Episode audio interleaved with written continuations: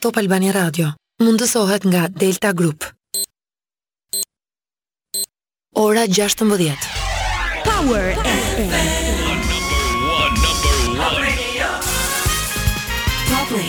Flash në Top Albania Radio. Informacionet kryesore të ditës. Përshëndetje, këto janë lajmet e orës 16. Përshëndetje.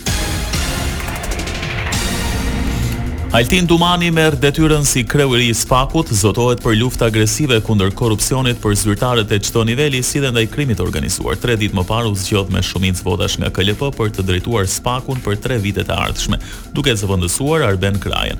Për të mos toleruar asnjë shkelës ligji, nxiti prokurorët të demonstrojnë se janë të aftë për të luftuar korrupsionin dhe krimin e organizuar. Inkurajoj dhe nxis secilin prej jush, që të gjithë së bashku, duke punuar në grup, si një skuadër e vetme, të demonstrojmë se jemi të aftë të procedojmë penalisht çdo shkelës ligji pavarësisht pozitës së tij. Pas këtyre tre viteve, Prokuroria e Posaçme duhet të kalojë tashmë në një fazë tjetër, dhe që është ajo e një lufte më agresive ndaj korrupsionit të zyrtarëve të çdo niveli si dhe krimit të organizuar. Lidhur me bashkëpunimin me BKH-në garantoi. E nderuar zonja Hajnaj, ju garantoj se marrëdhëniet mes Prokurorisë së Posaçme dhe BKH-së do të karakterizohen nga bashkëpunimi cilësor dhe mirëkuptimi reciprok. Unë jam i vetëdijshëm se pa një BKH eficiente, suksesi është i pamundur. Prokurorët e SPAK kërkuan arrestimin e Etleva Kondit, zyrtares që kishte marrë dhuratë një prenotim hoteli nga administratori i inceneratorëve Klodian Zoto, por të njëjtët prokurorë nuk e morën të pandehur dhe as e pyetën Arben Ahmetajn, të cilit hotelet ia paguan Klodian Zoto. Gazetari Adriatik Doçi denoncon faktin se gjatë hetimeve për inceneratorët në kompjuterin e Klodian Zotos, prokurorët e SPAK-ut panë pagesat për fjetje në hotele për drejtoreshën e Gjiknurit e çuditërisht jo për Ahmetajn. Sipas Doçit, pagesat korruptive u zbuluan nga rikuperimi i të dhënave në kompjuterat e Klodian Zotos. Rusia ka dërguar një kërkesë për të ekstraduar tridhjetë e tre vjeçaren ruse të arrestuar për spiunazh në Shqipëri. Svetlana Timofoeva ndodhet në burg prej shtatorit dhe ndaj saj rëndojnë akuza për spiunazh dhe goditje për shkak të detyrës. Bashkë me të janë dhe një i ri rus dhe një ukrainas. Në kërkesën e ekstradimit, parë nga Top Channel thuhet se Svetlana Timofoeva në vitin ka qenë e përfshirë në vjedhjen e dokumenteve sekrete shtetërore nga një institucion rus për të cilin nuk jepen detaje të tjera. Mes kundërshtive të disa banorëve dhe opozitës sot nisi prishja e pallatit numër katër në rrugën Myslym Keta në kryeqytet. Gjykata e Tiranës mori vendimin për prishjen e pallatit të dëmtuar nga tërmeti i njëzet e gjashtë nëntorit dy mijë e nëntëmbëdhjetë. Gjykata rrëzoi kërkesën e demokratëve duke i dhënë të drejtë bashkisë. Më herët Instituti i Ndërtimit e shpalli të rrezikshëm pallatin. Në total preken nëntëdhjetë familje, tridhjetë janë sistemuar në banesa të reja në pallatet e ndërtuara te pesë Maji. Për pak ditë tridhjetë e dy të tjera do të marrin banesa me po aq metra katrorë sa kishin vjet më parë.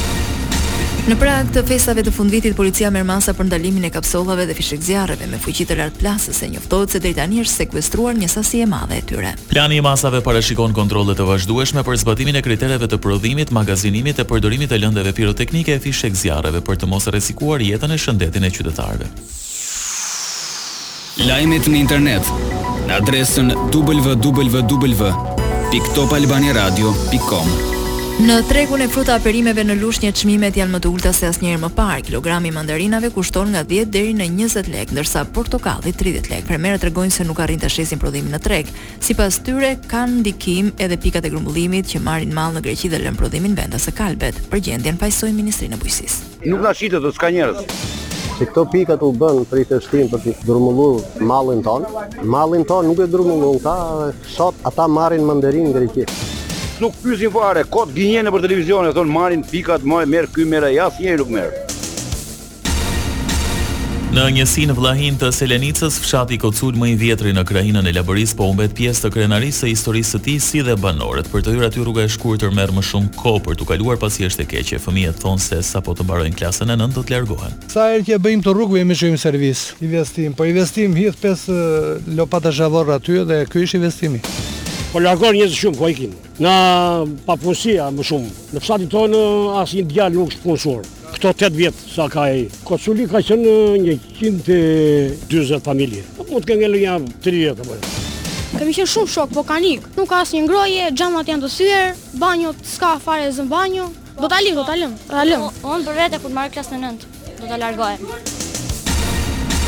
Në Komisionin e Veprimtarive Prodhuese, Ministria e Infrastrukturës kërkoi miratimin e një kredie shtesë për rrugën Qukës Qafë Plloçë në vlerën e 49 milionë eurove. Për deputetët e opozitës, zgjatja pafundësisht e punimeve në rrugën Qukës Qafë Plloçë tregon dështimin e menaxhimit nga Ministria e Infrastrukturës. Në fund të mbledhjes, mazhoranca socialiste e miratoi me votat e saj kredinë e re për rrugën, ndërsa projekti fillestar i përllogaritur në vlerën e njëqind e njëzet e gjashtë milionë eurove, tashmë me kredi të reja ka arritur në dyqind e pesëdhjetë e pesë milionë euro për dyzet e tre kilometra. Lajme nga rajoni.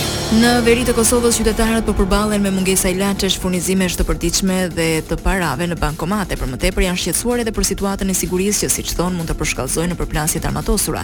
Në këtë pjesë të Kosovës, prej dhjetë ditësh, grupe qytetarësh kanë bllokuar rrugët kryesore duke kundërshtuar arrestimin e një ish-polici serb. Barrikadat janë ngritur në rrugët të cilat çojnë për në vendkalimet kufitare me Serbinë, Jarinjë e Bërnjak, që shpesh shfrytëzohen nga banorët e veriut të Kosovës për furnizime dhe vizita mjekësore apo të tjera. Shkollat nuk funksionojnë, gjithçka është e mbyllur. Ushqimi është gjithnjë më i pakët në dyqane, po ashtu ka ditë që paratë nuk shkojnë në bankomate sepse nuk mund të dërgohen përmes rrugëve alternative, ndërsa përmes vendkalimeve kufitare nuk është e mundur. Sport. Argjent Argjentina në ekstaz për fitoren e Kupës së Botës nga skuadra e drejtuar nga Leo Messi, festimet zgjatën deri në orët e para të mëngjesit për të nderuar kombëtaren që arriti të bashkojë argjentinasit në një ndjenjë gëzimi jo të zakonshme në vendin prej vitesh të mbërthyer nga kriza ekonomike. Edhe presidenti i Argjentinës Alberto Fernandez iu bashkua festimeve dhe falënderoi kombëtaren për fitoren në një postim në rrjetet sociale Iu referua si shembull, nga i cili kurrë nuk duhet të heqin dorë. Gazetat sportive dhe portalet në botë lavdëruan Lionel Messin dhe Argjentinën pasi dje fituan Kupën e Botës në Katar me anë të penalltive me rezultatin 4-2 kundër Francës. Gazeta argjentinase La Nacion shkruan Argjentina është kampione e botës, duhet ta përsërisim për ta besuar.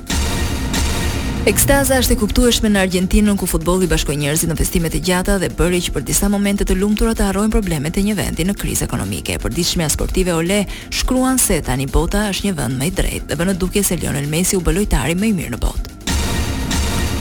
Sa i përket mediave rivale, në Francë RMC Sport nuk iu shmang elozheve dhe përshkruan një Messi e Argjentina në krye të botës pavarësisht nga një Francë heroike e tregolëshi i Mbappes. Le Parisien nënvizon se mbrëmë Franca ishte afër një mrekullie, por u mohua ylli i tretë, ndërsa për L'Equipe, ndoshta, ishte finalja më e bukur në histori.